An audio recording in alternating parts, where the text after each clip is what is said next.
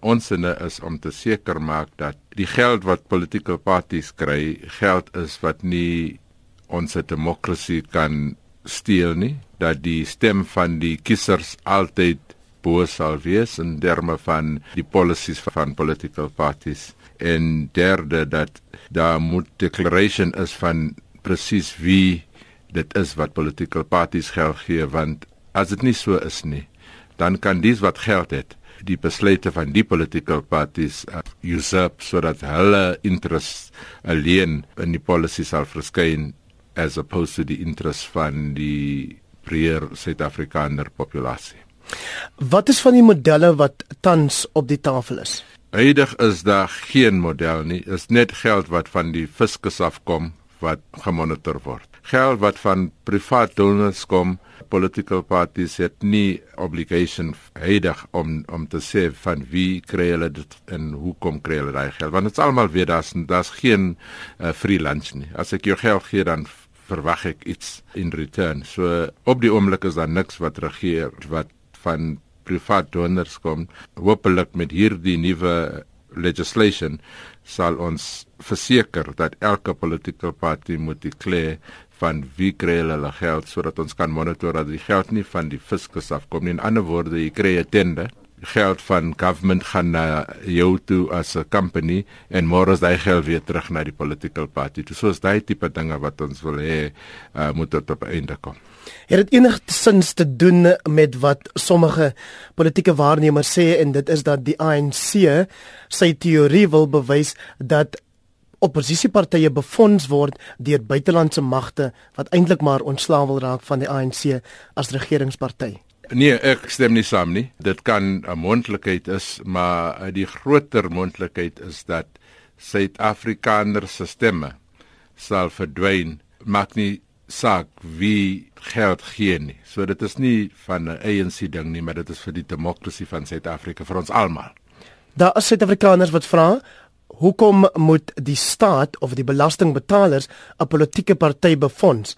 Hoekom neem die party deel as die party nie sy eie geld het nie?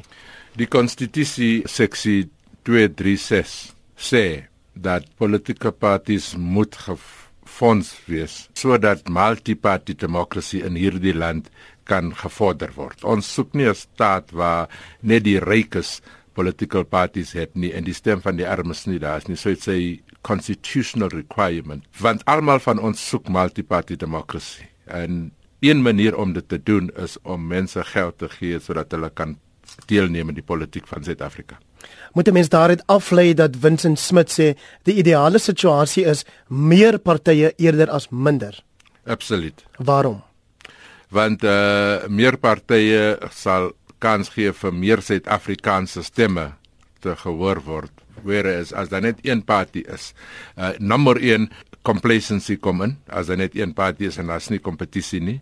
En ten tweede, dan sal dit nie the people shall govern nie, mm. maar dit sal wees een political party met its own ideology sal govern. So multiparty democracy is altyd goed vir enige demokrasie anywhere in the world. Is daar enige internasionale modelle waarna die komitee kyk?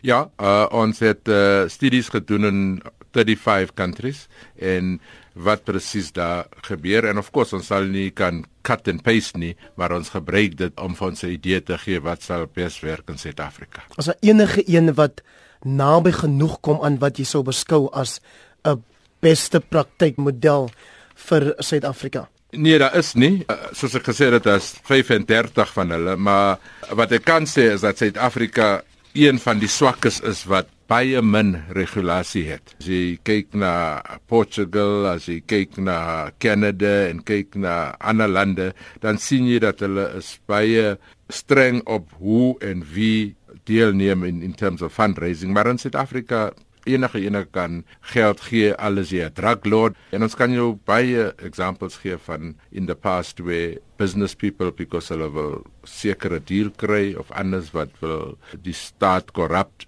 wat donasies maak vir vir vir die regerende party. So is reg tipe dinge wat ons wil uh, eindig.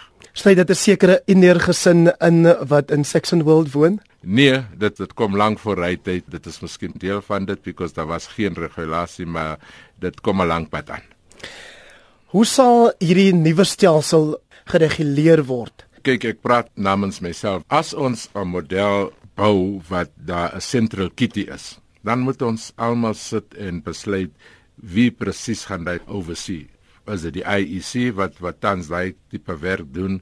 Kry ons 'n uh, uh, independent groep mense om dit te doen? Op die einde van die dag wie ook al daai geld manage moet elke Suid-Afrikaner 'n uh, conference hê dat hulle sal dit manage namens ons almal